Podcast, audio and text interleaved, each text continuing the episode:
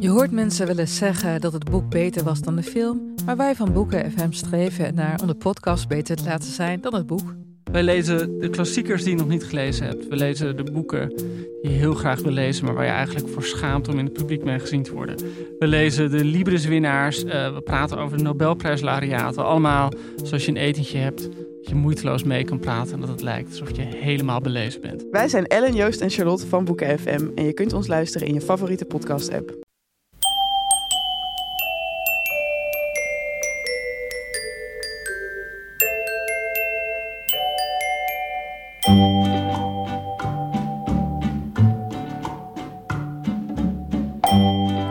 Welkom bij aflevering 197 van de Echt Gebeurd podcast, waarin waargebeurde verhalen worden verteld door de mensen die ze zelf hebben meegemaakt.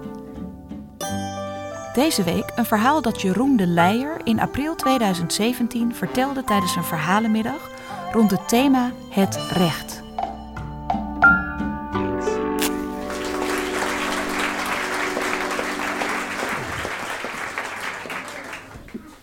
Ik ben uh, Jeroen de Leijer. Ik ben striptekenaar. Ik woon in uh, Tilburg. En ik uh, ben daar komen wonen omdat ik een ehm, woning kon krijgen met een werkruimte. Een soort atelierwoning. Dat was in een uh, volkswijk. Zo'n buurt waar de halve bevolking in trainingspak rondloopt. En als het mooi weer is, op een bierkrat buiten gaat zitten de woningbouwvereniging had het idee dat het daar dan een beetje actie zou gebeuren. En dat de bevolking een beetje met elkaar uh, ja, een beetje zou uh, mengen. Ik heb daar twee etalages in gebouwd die dan ook regelmatig uh, wisselden. In een daarvan stond een van mijn stripfiguren, Eefje Wintelteefje. En als je langs liep, begon ze te zwaaien. En dat werkte ook heel goed. ik heb al een keer gehad dat kinderen voor de raam stonden en die dan tegen elkaar zeiden daar wonen kinderlokkers. um, ja, het was een uh, sociale uh, buurt, zeg maar. Uh, ik had een overbuurvrouw. Dat was een ouder echtpaar. En um, die man die is overleden aan kanker na een aantal jaar. En daarna is zijn vrouw opgenomen in een inrichting omdat ze hem per ongeluk expres jarenlang de verkeerde medicijnen had gegeven. Daarnaast woonde een man die wij uh, de snor noemden. Ze had een kale, kale man met een zwarte snor. Die altijd zijn uh, witte Fiat op de stoep voor zijn huis parkeerde. Terwijl hij een parkeerplaats voor zijn huis had. Hij had graag zijn auto dichtbij, denk ik. En hij was ook goed bevriend met uh, de man die tegenover hem woonde, mijn buurman. En die had een rode Alfa Romeo. Dat schept een band. En nou, die buurman, um, ja, dat was, uh, die had uh, beveiligingscamera's aan zijn uh, huis, rolluiken voor de ramen en deuren en een groot traliehekwerk boven zijn beplaatste achter, ja, zijn, de plaats achter, zeg maar. En toen mijn toenmalige vriendin, mijn huidige vrouw, ja, toen daar weer een keer was ingebroken, toen kwam ze eigenlijk meteen bij mij wonen, dat het toch wel een iets veiligere buurt was.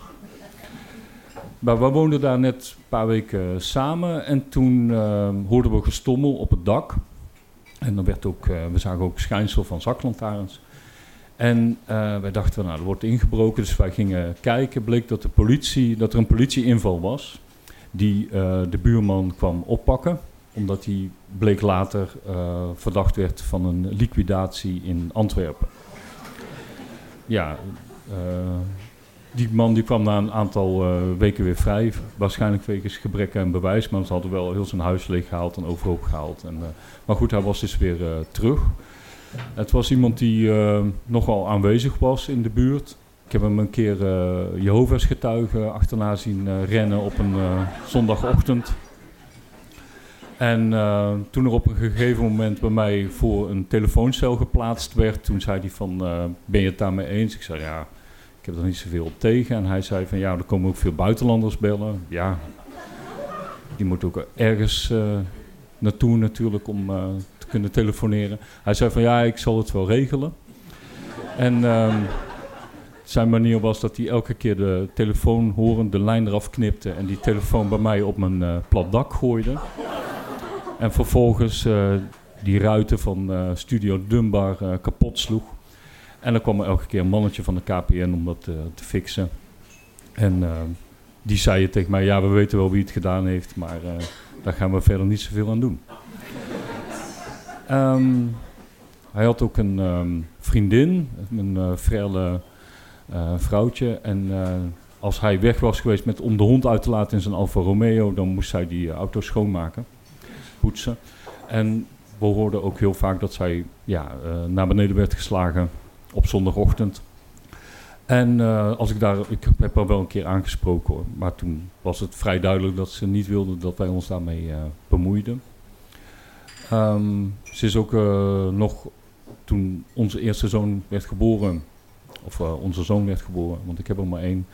Um, toen is ze ook op bezoek geweest en ja, een beetje stilletjes, een beetje de boel aangekeken. Ik ben ook nog wel een keer bij de buurman binnen geweest. Toen liet hij mij heel trots zien dat hij van, die, van dat glas van die telefooncel, dan had hij twee uh, lampen gemaakt. Dus had hij uh, zo van ja, dat is natuurlijk ook een creatieve man. En ik was ook heel vaak thuis, dus je hebt ook wel een band, zeg maar, als vrije jongens onder elkaar. Um, er kwam ook veel bezoek bij hem. Regelmatig kwamen er mensen over de vloer. Een daarvan was iemand die uh, ja, toch duidelijk in vermomming was. Dus hij had een pruik op en uh, ja, iets wat een opplaksnor en een zonnebril.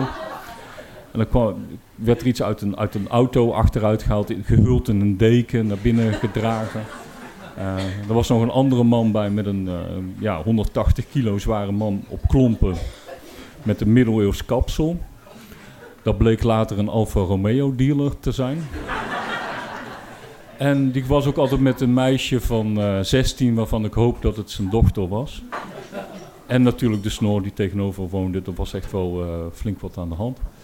En op een bepaald moment was zijn uh, vriendin die was verdwenen, weg, er vandoor, of het was uit, of ik weet het niet precies. En op um, 11 september 2001 kwam de overbuurman de Snor, die kwam bij ons aanbellen en die vroeg, heb je het al gehoord? Wij dachten dat het over de aanslag ging in New York, dus wij zeiden ja, erg. Ja, zei hij, heel erg. Hij is, uh, hij is dood. Ze hebben hem vermoord. Het bleek dat de buurman vermoord was door zijn vriendin. Die vriendin die was er vandoor gegaan met al het contant geld wat die buurman in huis had. En ze had haar haar geverfd en ze heeft een hele tijd in hotels en motels verbleven. En uiteindelijk is zij terechtgekomen bij die man met dat middeleeuwse kapsel. En daar is die buurman achter gekomen. En die had een mes, had hij in laten graveren, payback. En dat was dus de bedoeling om haar uh, neer te steken. Uh, nou, hij heeft haar gevonden en hij, is, hij heeft aangebeld en ze heeft open gedaan. Ze heeft gezien dat hij het was en ze heeft de deur dicht gedaan. Ze is een pistool gaan halen en heeft hem vervolgens neergeschoten. Vervolgens is die man met dat middeleeuwse kapsel, die is er nog op ingetrappen met zijn klompen. In ieder geval, hij, is, hij was overleden. En toen bleek ook, um, later in de krant bleek ook dat zij, de buurvrouw, dat zij uh, twee kinderen af had moeten staan ter adoptie onder dwang van de buurman. Dus, ja. Toen kwam ik later nog een keer uh, de snor tegen. De, de, die man die, en die was toen, deed hij aan lingerieparties. Er kwamen regelmatig taxi met Poolse dames, werden dan voor zijn deur afgeleverd. En hij zei, ja Jeroen, ik moet je wat laten zien. En toen zei hij, ja kom even binnen. En hing in de gang hing een portret van de buurman met eronder de sterfdatum op een messing plaatje. En hij zei van ja, ik heb een ordner, een map had hij, een hele ordner. Ik heb alles bijgehouden, zegt hij. Ik weet precies wanneer ze vrijkomt. En op dat moment dan, uh, dan wacht ik op. En dan zal ze alsnog de verdiende loon krijgen. Ja, dat was eigenlijk het verhaal.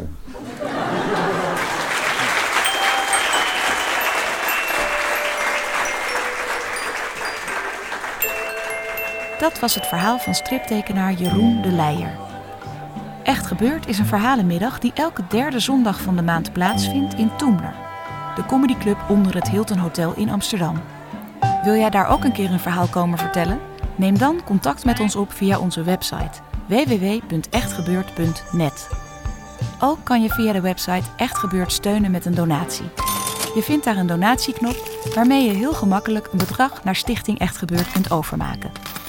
Wij gebruiken dat geld weer om onze middagen te blijven organiseren en deze podcast te blijven maken. De redactie van Echt Gebeurd bestaat uit Paulien Cornelissen, Micha Wertheim, Rosa van Toledo en Maarten Westerveen. Productie Eva Zwaving, dat ben ik. Techniek voor deze aflevering Nicolaas Vrijman. En de podcast wordt gemaakt door Gijsbert van der Wal. Dit was aflevering 197. Tot volgende week. En vergeet intussen niet, als je dan een Alfa Romeo wilt kopen, doe het liever niet bij een dealer op klompen en met een middeleeuws kapsel. Dag!